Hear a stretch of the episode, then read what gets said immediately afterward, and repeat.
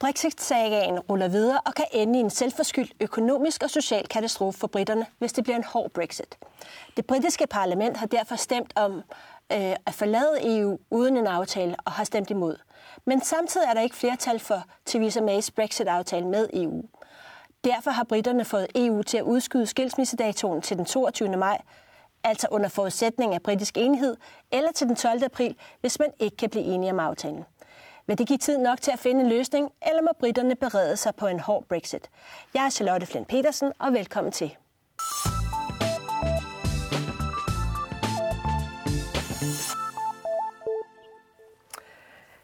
Velkommen Uffe, og velkommen Mogens. Øh, vi skal tale om Brexit i dag, som jo er højaktuel i de her dage. Øh, men øh, Uffe, hvad er en hård Brexit egentlig? Altså det, vi kalder en, en hård Brexit, det er, at man, som det også er sagt i billedsport, man hopper ud over klippekanten, uden at have en aftale øh, imellem øh, Storbritannien og EU om øh, sådan principperne i udmeldelsen. Fordi alle de detaljer, der følger med, altså det er sådan noget, man så skal bruge de næste par år på at sidde og forhandle på plads. Men altså øh, sådan nogle principielle ting om, øh, hvordan deler vi skilsmisseregningen, og, og, og hvordan ordner vi det med grænser og grænsekontrol, alt den slags. Det er det, der ligger i en aftale. Og hvor det jo hidtil er faldet på, at den aftale, som blev forhandlet på plads, imellem EU og den britiske regering, ja, den vil parlamentet ikke have noget med at gøre. Og hvordan det er gået sådan lige for øjeblikket, nu skylder vi at sige, at øh, nu, nu sidder vi her og venter på, hvad sker der de næste par dage. Øh, vil de stemme igen? Det, det ved de nok ikke. Vil fru Mage få sin aftale igen? Det tror jeg ikke et øjeblik på. Det gør Mogens heller ikke, kan jeg se. Nej. Og det er, så vi sidder sådan lidt på herrens mark. Og, og det, som vi hele tiden har skubbet fra os, og som det britiske parlament jo har sagt kategorisk nej til, altså det, der hedder den hårde Brexit, det kan meget vel gå hen og blive en kendskærning her om nogle uger. Og Mogens, hvad er så de umiddelbare konsekvenser af sådan en hård Brexit? Altså, en ting er, at man ikke har relationerne på plads, men, men hvad, hvad er konsekvenserne for det britiske samfund? Ja, de umiddelbare konsekvenser er jo, at, at, at der, der bliver øh, tolvtjek ved grænsen. Alle, alle de der ting, som, som vi har været fri for i 40 år, de genopstår lige pludselig, og det er der ikke nogen, der har forberedt. Øh, det, det er spørgsmål om fiskeriregler og fiskerivande, og hvordan vi håndterer det, hvad der jo er et stort problem for Danmark, hvis, hvis, hvis øh, det lige pludselig bliver kastet ud. Og det er hele øh, spørgsmålet om, om den frie bevægelighed inden for EU, og dermed også rettighederne for de der millioner af øh, EU-borgere i Storbritannien, og i hvert fald en million britiske borgere, der er i, i resten af EU. Så der er en hel masse, som man er fuldstændig uforberedt på at håndtere, og som man jo havde tænkt sig, at der var et par år til at udrede i en overgangsperiode i det aftaleudkast, der ikke rigtig kan finde vej igennem parlamentet. Så, øh, øh, og, og, og der er ikke administration til det her i Storbritannien. De har ikke folk, de har ikke kontorer, de har ikke folk, der kan lave alle de der tusindvis af nye regler, der skal, der skal erstatte EU. Og det er, jo, det er jo grundlæggende udtryk for, at der er ikke nogen ansvarlig person, der har tænkt igennem oprindeligt, øh, hvad det her var for noget. Og nu har de så brugt to og et halvt år næsten, øh, eller mere end to og et halvt år på ikke at finde ud af noget som helst. Ja. Men Guardian lækkede sådan et, et dokument, at den britiske regering har lavet sådan en, en, en operation Yellowhammer. Ja. Hvad, hvad, hvad, hvad kan man læse den, øh, skal man altså sige, den der udplan? operation Yellowhammer, og hvor pokker de har fundet på det navn, ved jeg ikke, for Yellowhammer, det er jo det, vi kalder en guldspur. Og det er just ikke guldspur, der sviger i luften der. Men det er netop, som du siger, en slags militær operation hvor der allerede skulle være oprettet et militært hovedkvarter i den bunker, der ligger under Forsvarsministeriet i Whitehall i London. Og der vil man så sidde og indsamle informationer fra alle de steder i landet, der vil blive berørt øh, af, at man altså lige pludselig, tjubang, så er man ude, så er der grænser, og hvad så? Og en af de ting, for nu at tage et eksempel fra Yellowhammer, det er, at øh, øh hele den øh, sydlige del af England omkring øh, Kent, øh, jamen der vil man øh, sige, at øh, der, der indtræder en nødsituation. For der vil komme enorme køer af lastbiler ved grænsen øh, til, øh, til øh, kontinentet. Enorme køer, så der er en gammel lufthavn, øh, der er blevet inddraget til, at der skal de tusinder og er der tusinder af lastbiler, der skal holde og vente. Der kan de blive kørt ind. Der er lavet militære planer for, hvordan vejene, specielt den meget vigtige motorvej, der går fra London og ned til Dover, øh, hvordan man må køre på den. Øh, lærerne i hele det område har fået at vide, at de skal forberede sig på at passe børn. Der kan ikke nå lærere nok frem til skolerne på grund af trafikkaos, øh, til at de kan undervise børnene. Forældrene skal jo slippe af med ungerne i skoletiden, og de skal gerne på arbejde, hvis de i øvrigt kan komme derhen, så lærerne skal passe børn. Andre steder, der har man forberedt og udkommanderet soldater til at sørge for, at der kan komme benzin til benzintankene rundt omkring, og meget vigtigt, at der kan komme medicin frem. Og man har også begyndt at etablere nødlagre af medicin.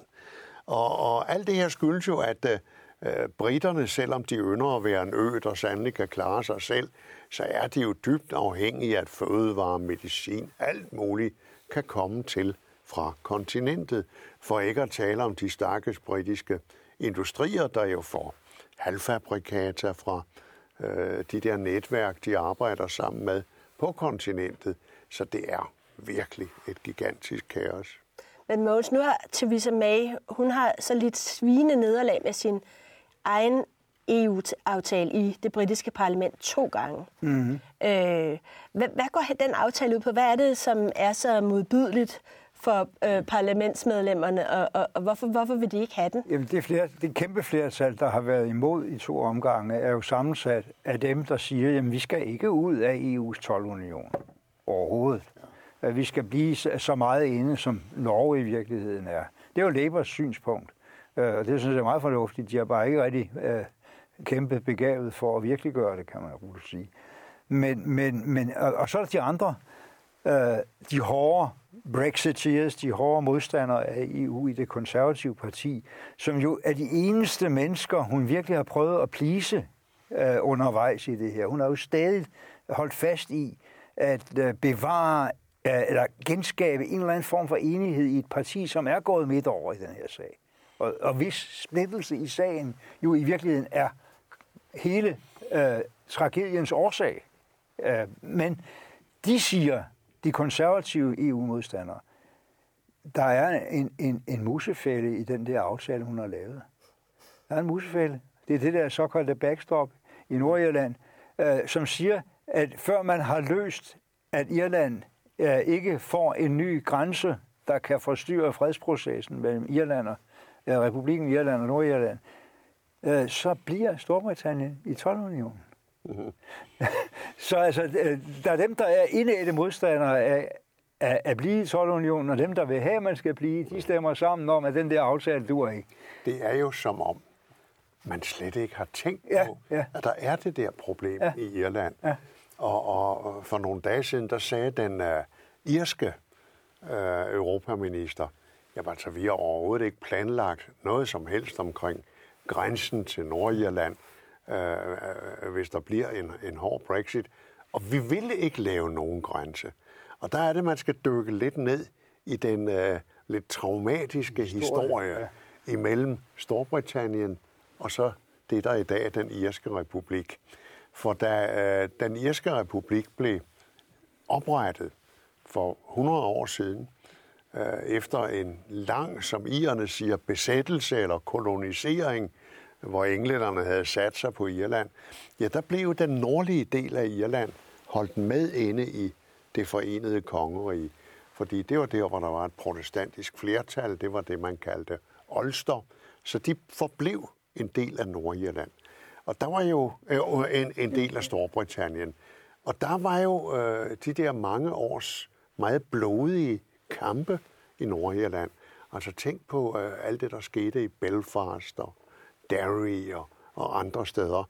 Og der blev først for øh, en snes år siden lavet en fredsaftale, hvor et helt vigtigt element i den fredsaftale, der altså stoppede de der borgerkrigslignende tilstande, det var, der må ikke være en grænse imellem Nordirland og resten af Irland. Og det har man overhovedet ikke tænkt på åbenbart. For i det britterne siger, jamen øh, nu går vi ud, og hvis det bliver en hård Brexit, så er vi ude af 12-union, vi er ude af indre marked. Så skal EU's indre marked beskytte sig imod, at der så lige pludselig over sådan en åben grænse kommer væltende ting ind i EU, som ikke lever op til for eksempel de sundhedskrav, de krav til medicin osv., øh, som nogle gange er det del, en del af det indre marked. Og hvor britterne bare sagt, jamen vi vil have lov at gøre, som vi plejer. Og, og det er jo også en tragedie i hele det her forløb, at dem, der øh, fik et flertal til at stemme for Brexit, de bildte jo folk ind, at vi kan få alle fordelene, vi skal ikke betale noget, og alle de ting, der ser lidt vanskelige ud, de kan bare fortsætte som hidtil. Mm. Nu er virkeligheden altså ved at snige sig ind på dem. Og det her, det, det kan godt gå hen og blive øh, et ganske ubehageligt problem. Jamen, EU har jo været den beskyttende skal omkring den der aftale ja i, øh, omkring Irland.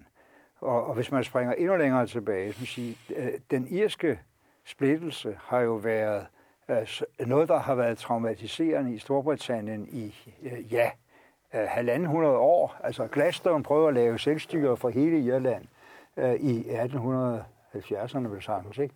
Øh, det mislykkedes, og så fik man jo op til Første Verdenskrig øh, den der splittelse, hvor, hvor protestanterne ville have deres særlige udskilte provins øh, holdt fast osv. Og det har de så kæmpet med i alle de der år, og, og, og det som er nu, er jo, at den aftale, man sluttede, uh, uh, Good Friday Agreement, som de kalder den, og der, der skabte uh, fred mellem IRA og, og protestanterne i Nordirland, den, har, den siger, jamen hvis, hvis befolkningen beslutter sig til at genforene Irland, så er det okay. Og det er klart, at de britiske øh, konservative og de nordirske unionister er øh, dødsens angst for, at det skal ske. Ja. Det, det kan de overhovedet ikke forestille sig. Men, men, men man kan godt forestille sig, at det er en proces, som faktisk bliver accelereret af det her. Fordi hvad er sagen omkring Nordjylland? Sagen omkring Nordjylland er, øh, at dels er der jo øh, faktisk flere og flere af dem, som er katolikker. Den katolske befolkning vokser mest. Øh, og, og det ligger sådan tæt ved en balance. Og der er selvfølgelig også flere og flere deroppe, der siger, hvad er det her for noget pjat? Alt sammen. Øh, Vi skal huske, at Nordjylland stemte udtrykkeligt imod England for at blive i EU, på samme måde som Skotland gjorde det. Og det vil sige, at det her er jo oplægget til noget, der kan øh, måske i løbet af næste 10-20 år ende med, at der ikke er, er fire enheder i det forenede kongerige, men kun to. Se, jeg tror altså ikke på den der med et, et forenet Irland. Jeg tror ikke på det, fordi øh, de der Ulster-nationalister, som ønsker, at Nordirland skal forblive en del af Storbritannien, de er så hardcore ja, ja, det er de. og så fastlåste i deres positioner, at hvis de pludselig føler sig forklemt, og hvis den her bevægelse imod en irsk forening tager fart, så bliver der borgerkrig. Det er jeg overbevist om. De øh, har gemt våben, øh, de gennemfører stadigvæk de der øh, orange marcher, hvor de fejrer en eller anden sejr over Katolikker. katolikkerne for flere hundrede år siden, hvor de med stortrummer marcherer tæt på de katolske kvarterer, provokerer slagsmål, hvor de kan komme til det. Der bliver borgerkrig, og det, det er derfor det at, at rokke ved den øh, fred, der blev skabt der, det er jo dødsens farligt. Og også et udtryk for, kan man sige, engelsk arrogance over for irerne, som man altid har set det. Ja, ja. Øh, det, det, det men ja. at de har kunnet glemme det der, det er ufatteligt. Ja, ja fordi noget af det, som... Ret i, det, der, det kan blive ufatteligt voldsomt, hvis, ja. hvis det udvikler sig derimod. Men, men, men det kan jo sagtens være med til at få det til at bluse op igen. Og, jo, jo. Ja. ja, fordi noget af det, som, som, som også fremgår af, af det helt det her med, at, at øh, de konservative har også været lidt overrasket over, at EU på den måde har beskyttet Irland. Altså har, ja. har, har synes, at, at de irske interesser er stærkere end, end de, de engelske. Det er ikke kun de irske interesser. Nej. Øh, rent bortset fra, at hvorfor pokker skal ierne betale for, øh, hvad britterne eller englænderne især pludselig fik lyst til at gøre. Det er fælles øh, EU-interesser. Altså det er jo en fælles EU-interesse at sige, at nu har vi som et af de største resultater af EU-samarbejdet, der har vi skabt det indre marked. Altså jeg kan jo huske, det var i min tid, hvor vi brugte år på det her, hvor man skaber det indre marked møjsommeligt ved at lave fælles regler, standarder og normer, som gør det muligt at handle over grænserne, og som jo er en kæmpe fordel, især for et lille land som Danmark, med den frihandelstradition, vi har. Skulle vi så pludselig, fordi øh, englænderne nu har lyst til at gå ud af det der, skulle vi så begynde at ofre principperne på det, for at redde dem ud af noget, de ikke rigtig har tænkt igennem? Øh, vi er nødt til at sige, at man, er, øh, øh, der skal være en kontrol med grænsen ind til det indre marked, så man ikke bare kan vælte alt muligt ind. Det er ikke specielt for at tage, tage ierne i forsvar.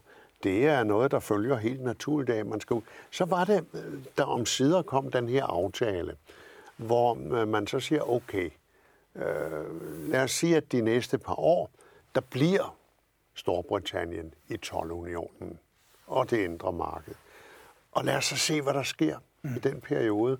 Det er sådan lidt ligesom Mr. Mike Corber i Charles Dickens David Copperfield siger, noget, vil noget vil vise sig. Ja. Og jeg må indrømme, at jeg er lidt svært ved at se, men der er sådan en eller anden drøm om, at det må man kunne klare med IT og alt den slags. Ja, men der er men, jo også nogen, der har haft den bagtanke, at, at hvis der nu blev den der tænkepause, så kunne det godt være, at Storbritannien skulle blive i 12-unionen. Det er jo også mange englændere, ja. der... Ja, ja, ja. ja. jo, ja. men øh, så er det nemlig, hvad, hvad nu hvis man ikke bliver enige? Hvad hvis der ikke kommer dalende sådan en eller anden løsning ned fra himlen? Hvad så? Der har man så det, der hedder the backstop, som siger, jamen øh, så fortsætter man med at være med i det der, indtil en løsning måtte dukke op. Hov, som Mogens siger, der er en musefælde, siger Brexiteers. Det er for at låse os fast.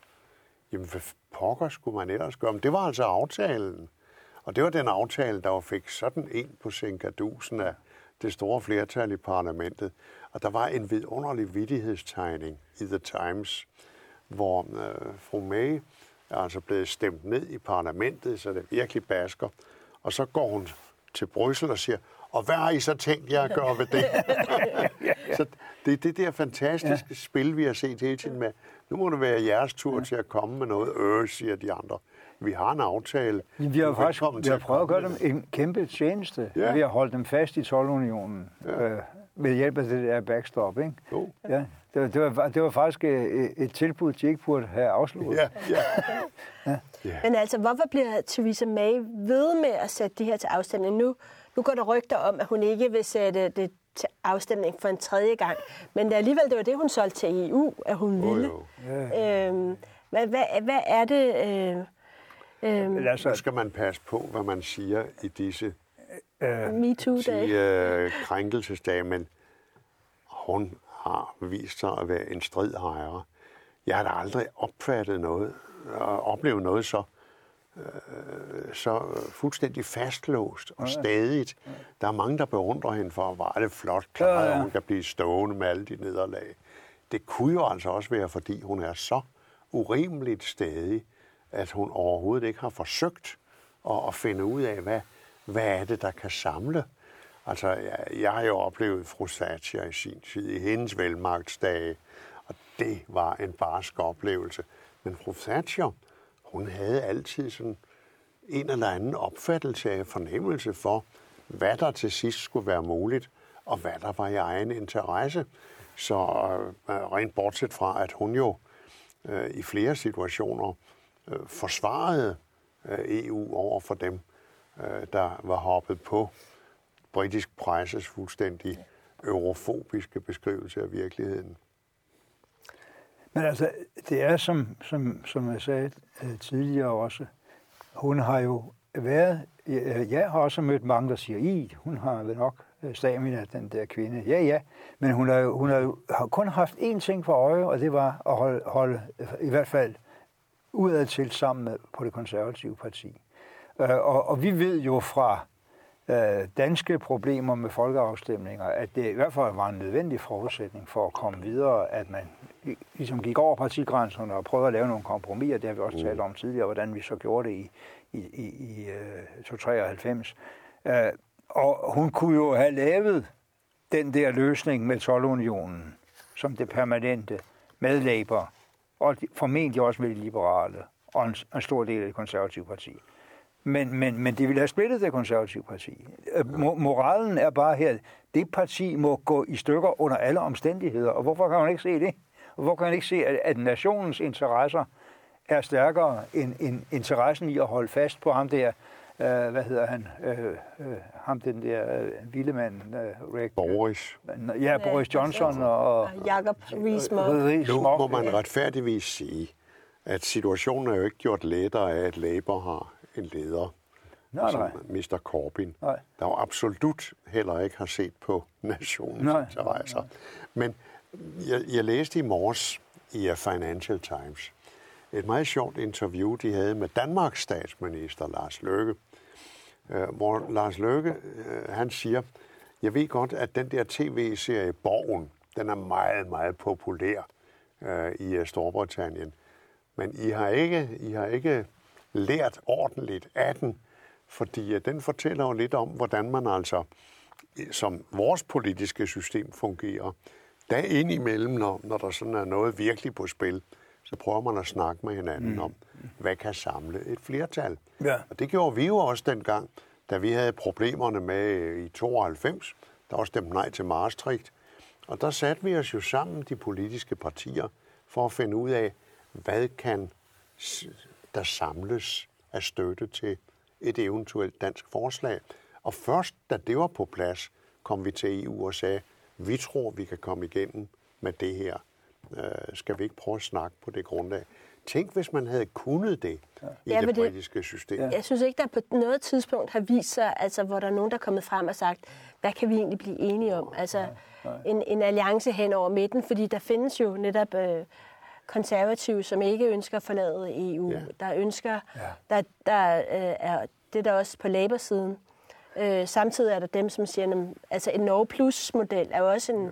Jamen altså, i virkeligheden burde hun jo øh, gøre noget, som var i slægt med, hvad Paul Slytter gjorde, jeg mener klogt, i 1986, da der pludselig er mærkelige grunde, som det fører for vidt og udrede, var et flertal imod øh, øh, pakken om, om det indre marked.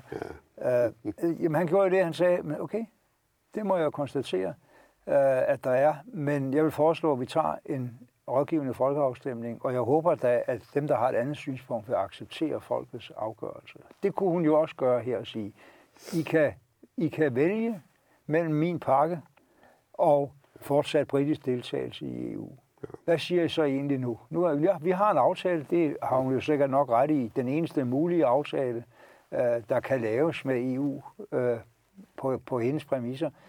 Øh, og hvorfor så ikke øh, ligesom tage magten fra det der umulige parlament og sige, I kan da ikke afvise, at vi afprøver det her igen?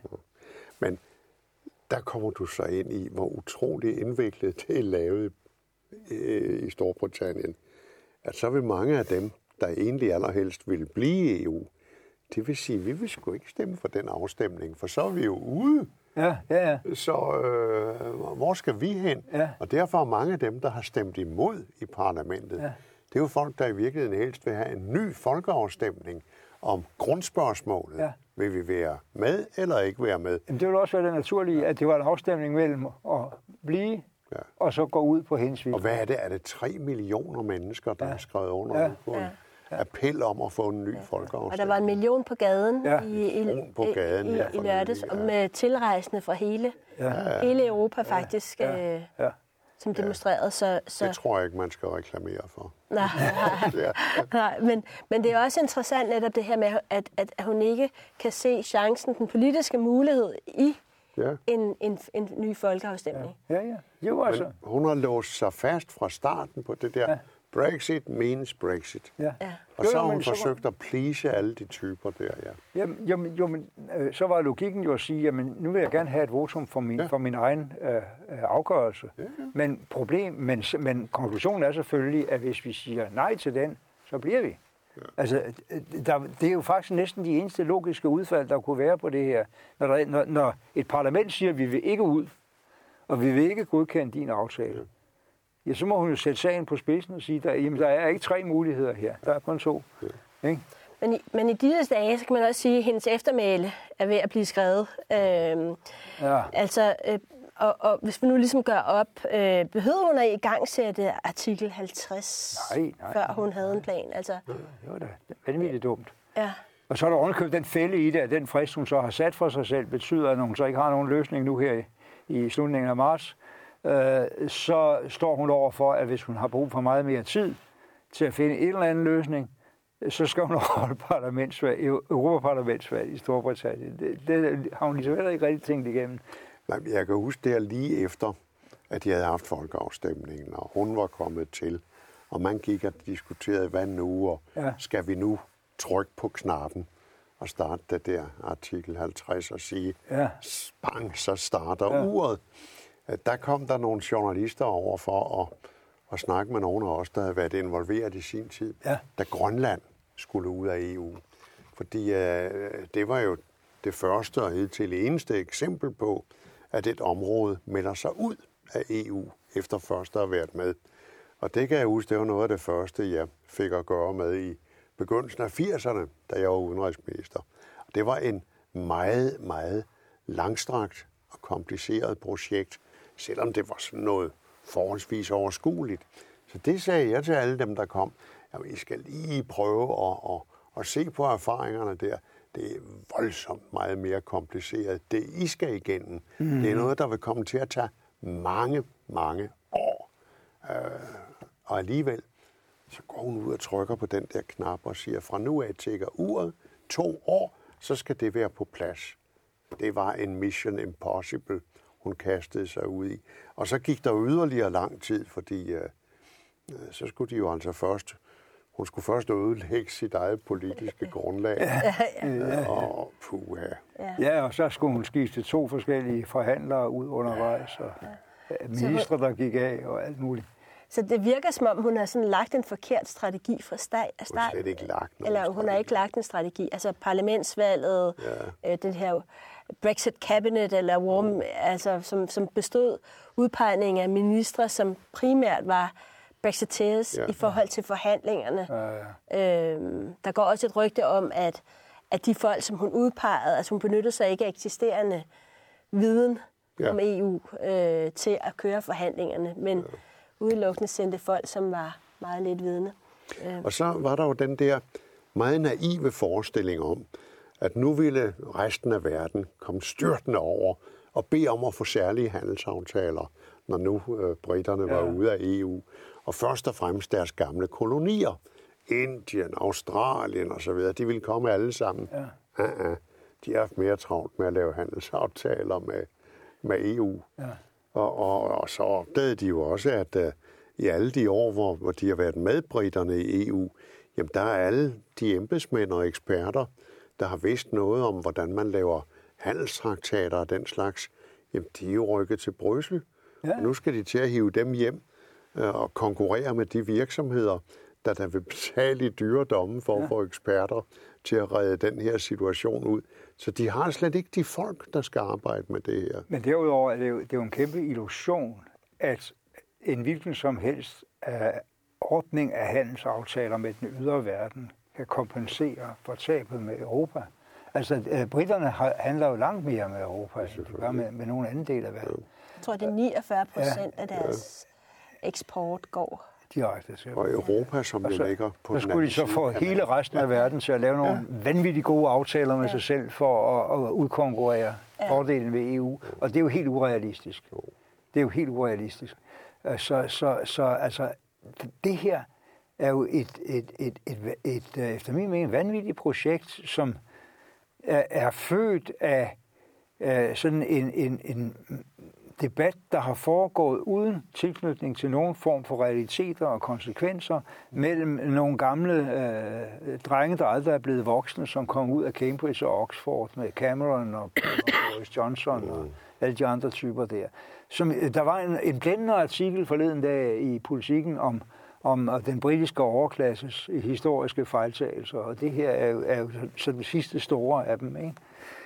Øh, øh, hvad, hvad de har lavet af råd i tidens løb, og, og, og, og, og nu altså får det britiske politiske system til at virke totalt dysfunktionelt. Ikke kan beslutte noget som helst. Ja, og, og det er jo, kan man sige, en, en øh, sideeffekt af det her, som uh, man nok heller ikke havde forudset. Altså, det har jo betydet et enormt prestigetab for Storbritannien ude i verden. Ja, ja, ja. Uh, de blevet til grin, og, og hvis der er noget, de ikke kan tåle, så er det jo blevet til grin rundt omkring. Og, og oprigtigt talt, sådan som verden ser ud lige for øjeblikket, med alle de trusler, der er imod Europa, fra en Putin, fra et Kina, der er ved at etablere en styrkeposition, fra en Trump, der åbenlyst ikke kan fordrage øh, EU, mm-hmm. men som sandelig heller ikke har gjort det der, som britterne havde troet, at det der special relationship skulle give dem en særlig fordel. Det har de jo ikke mærket meget til. Men med alle de udfordringer imod Europa, at lige pludselig så mm, bryder britterne ud. Det er en svækkelse også af britterne. Men kan man ikke også sige, at det udfordrer demokratiet som styreform? Altså, altså det her, er, den, er, er det ikke en udfordring, eller er det bare det specifikt britiske? Det var altså udfordringen med demokratiet, eller også folkeafstemningerne, som, som måden at styre på, er jo også uh, det mediebillede, vi har, og den manipulation af mediebilledet, der er. Altså, uh, jeg bliver ved med at sige, og uh, nogle gange bliver jeg skældt ud for det, de to største katastrofer i de sidste 4-5 år i verden øh, af afstemninger. Valget af Trump og Brexit-beslutningen i Storbritannien. Med meget snæver majoritet begge steder. Ville kun skete kun på grund af mediekongen Robert Murdoch, Fox News, formdagsbladene i Storbritannien, enorm effektiv, langstrakt, overlang, øh, anti-europæisk, nationalistisk kampagne, fuldt med løgnehistorier, og så i tillæg næsten øh, symbiotisk alliance mellem, mellem øh, Murdoch og Putin, der forurenede øh, de sociale medier med alle mulige øh, løgnehistorier. Altså, øh, det, det er jo virkelig en demokratisk udfordring, som burde være en ekstra grund til, at nogen sagde, at måske skulle vi tage en, en afstemning på et mere oplyst grundlag, end vi havde i 2016. Ja, fordi det er kommet frem i hvert fald, at der er, øh, altså, at øh, Steve Bannon har været involveret i form af Cambridge Analytica, og ja, ja, ja. at øh, der er den her øh, øh, britiske finansmand, Aaron Banks, som har leveret mange penge ind i en, en Leave-kampagne, men hvor man ikke helt kan se, hvor pengene kommer fra.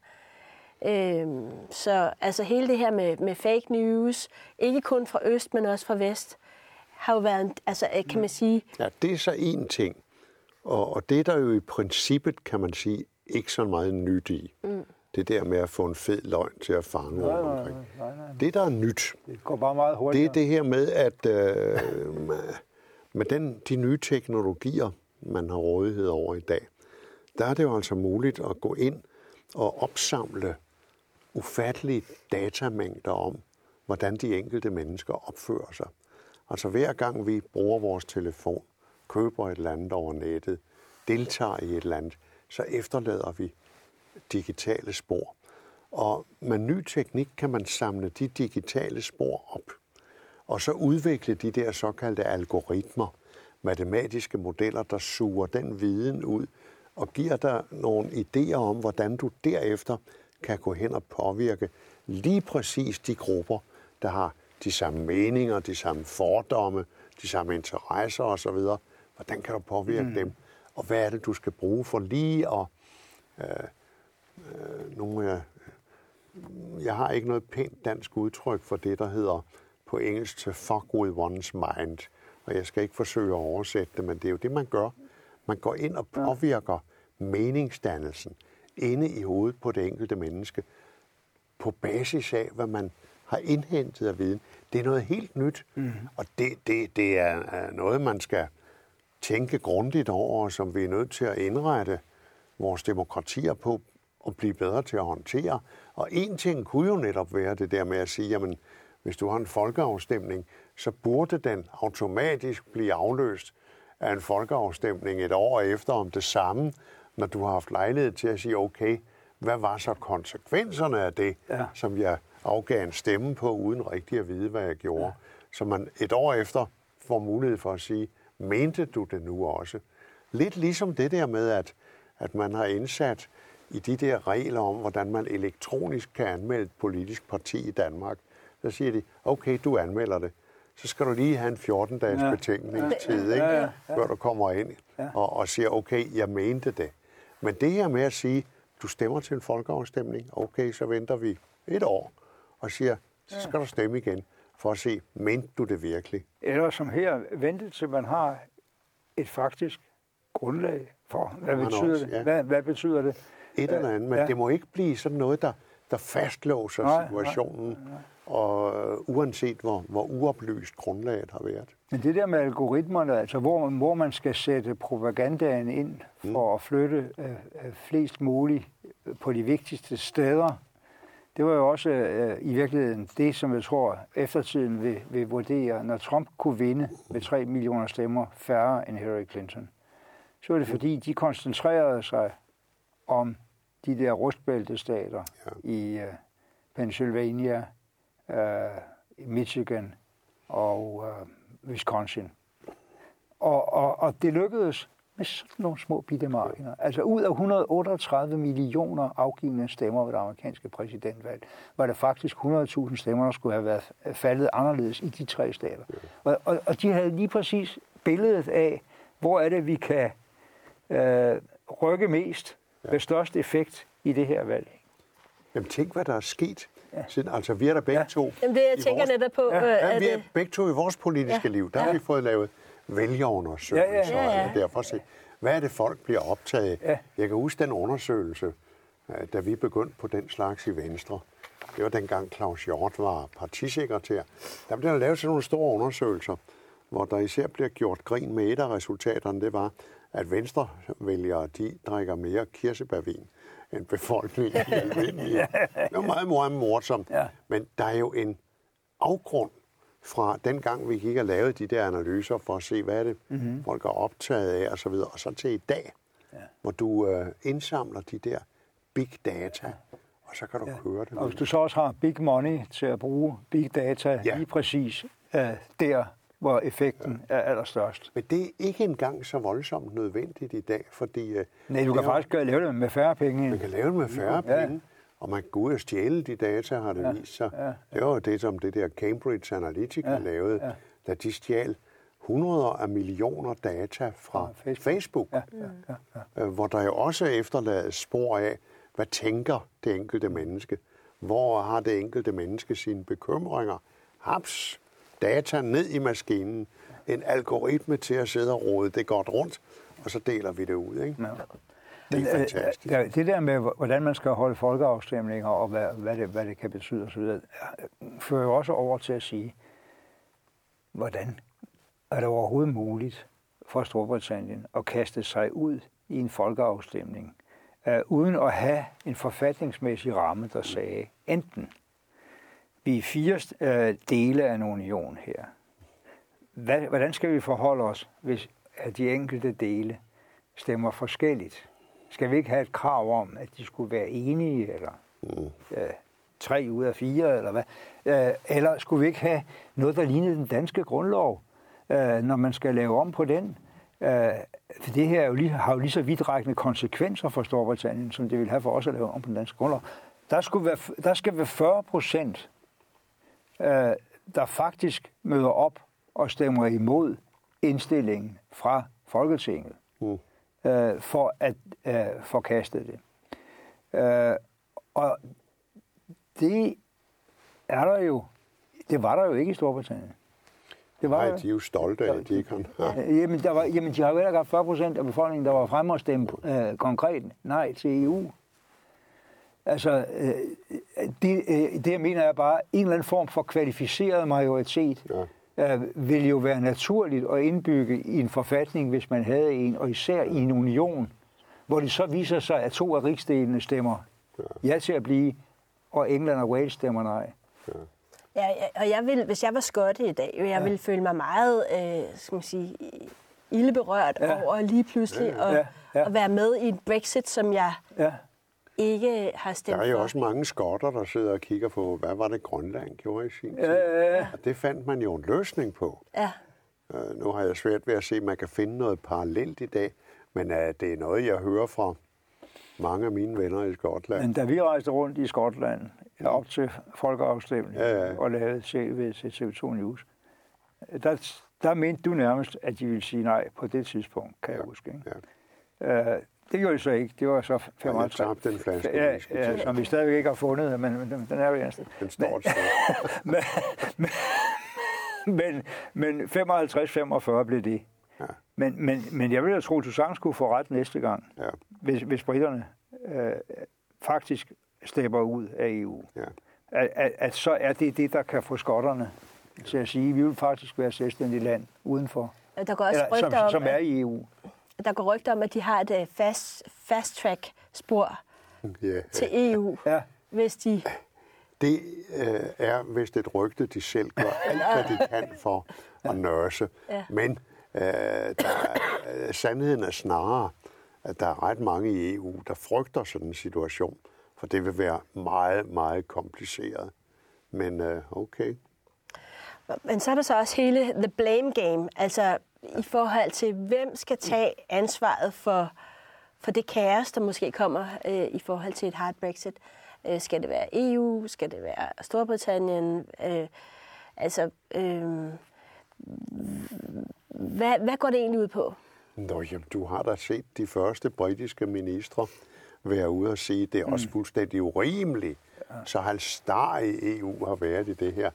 Altså selve den britiske, selveste den britiske udenrigsminister var ude for nogle uger siden og holde en tale et eller andet sted øh, i sin valgkreds, som han åbenbart ikke troede ville blive refereret over på kontinentet, hvor han sagde, at det vil være en historisk fejltagelse af, af EU og, og, og, og slippe os afsted uden nogen aftale.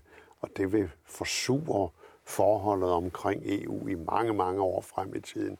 Undskyld mig, det er dem selv, Ja. der ikke kan få deres egne aftaler igennem derhjemme. Så der er ved at starte øh, den der dolkestødslegende om, at det er også de vemmelige franskmænd, der altid har været på nakken af britterne. Det er også de tyskere, der skal hævne sig for Don't Mention the War. Mm. Og alt det der, de kører øh, i bedste velgående. Og i resten af EU, der finder du de der øh, højre nationale anti-EU-partier, der også dyrker den der legende. Det hører du også her i landet. Og det hører du rundt omkring i Italien og Ungarn. Men, Ja. ja. Mogens, hvordan synes du, EU har klaret det? jeg, jeg synes, det har været bemærkelsesværdigt med alle de problemer, vi i øvrigt også ofte har talt om, er internt i EU, at de 27 lande har kunne optræde enigt mm. og efter min mening klogt i håndteringen af Storbritannien. Der har ikke været optræk til at sige, at de kan godt få nogle særlige fordele, øh, selvom de ikke vil have nogen form for, hvad de betragter som ulemper. Der har været øh, en, en, en forståelse af det der med, at, at vi, vi- vi kan ikke have et nyt øh, exit af en eller anden art fra et eller andet land. Øh, vi er nødt til at statuere, at enten er man med, det sure det søde, eller også må man gå ud. Men at vi har været meget imødekommende over for en aftale, hvor de kunne få lov at være udenfor på samme måde som Norge, eller noget, der lignede. Ikke? Øh, øh, så jeg, jeg synes, det bliver svært at øh, fastholde billedet af, at EU har opført sig urimeligt her. Der er jo efterhånden en ret entydig dom i den internationale presse øh, af, at det er noget, May har fumlet sig ud af ved Storbritannien. Men lad os nu se, fordi uh, hvis vi får den her hårde Brexit, hvis lastbilerne håber sig op på begge sider af kanalen, ikke sandt? Hvis der kommer alle de her forfærdelige følger, hvis danske fiskere bliver jaget ud Ja. af de steder, de har jaget, fisket på i overvis, og, og så videre, og så videre. Hvis alle de konsekvenser begynder at komme, lurer mig, om så ikke også du vil høre en hel masse, der i EU siger, ah, var vi nu ikke også for strider? Ja. Kunne vi ikke have været lidt mere eftergivende der og der?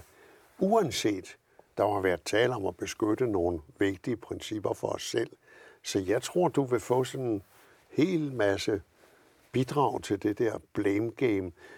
For øvrigt det der med, at de har været gode til at, at stå sammen, der skulle det jo have vist sig her på det seneste topmøde, hvor man skulle sige ja til øh, ønsker fra May om udsættelse, at der var det som om rækkerne vaklede lidt. Det tog i hvert fald lang tid, mm. fordi øh, der var flere, der var ret bekymrede over det her med at give en meget lang udsættelse.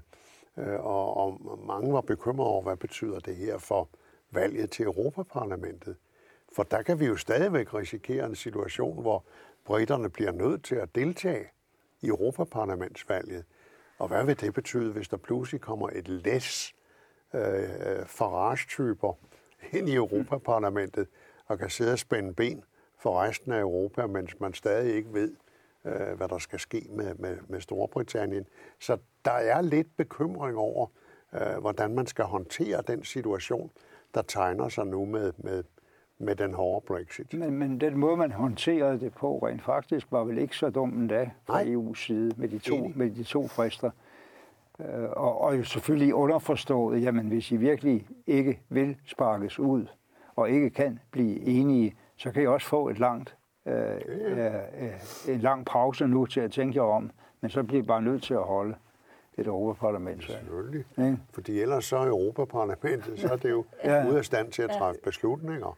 Men, men altså, i, når vi snakker blame game, og, og så hjemme i Storbritannien, mm. så er vi jo desværre i samme øh, slags skyttegravskrig, øh, som de er i USA omkring Trump. Ja. Det er sådan set stort set ligegyldigt, øh, hvad, der, hvad der kommer af argumenter på banen.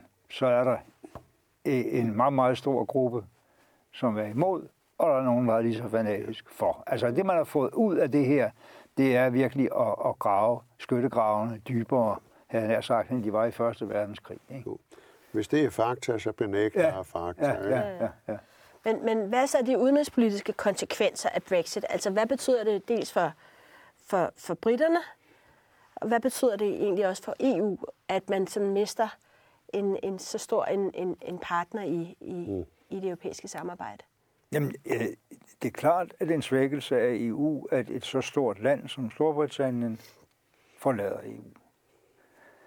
Øh, men når det er sagt, så må man sige, jamen, det som burde være gået op for de fleste britter nu, i alle de lidelsesfulde processer, vi har været igennem, det er, at øh, Storbritannien er ikke nogen stormagt i verden mere. Mm. Storbritannien er et lille land, og med de økonomier, der udvikler sig uh, i, i andre dele af verden, så bliver det mere og mere udtalt, at hvis Europa skal gøre sig gældende, så, bliver, så kan vi i hvert fald kun gøre det, hvis vi står sammen. Øh, og, og, og, og derfor, det her bliver ikke bare et økonomisk tab på grund af nye handelsforhindringer, øh, som selvfølgelig entydigt er størst for Storbritannien, men som også rammer nogle af de mindre europæiske lande forholdsvis hårdt. Irland, Holland, Danmark har stor samhandel med Storbritannien. Men det bliver også noget, der rammer Storbritannien på en anden måde. Alle dem, der nu ikke vil investere i Storbritannien, eller vil nedlægge produktion i Storbritannien, flytte til kontinentet, eller flytte til andre kontinenter. Øh, fordi hele erhvervsklimaet bliver jo forsuret af det her.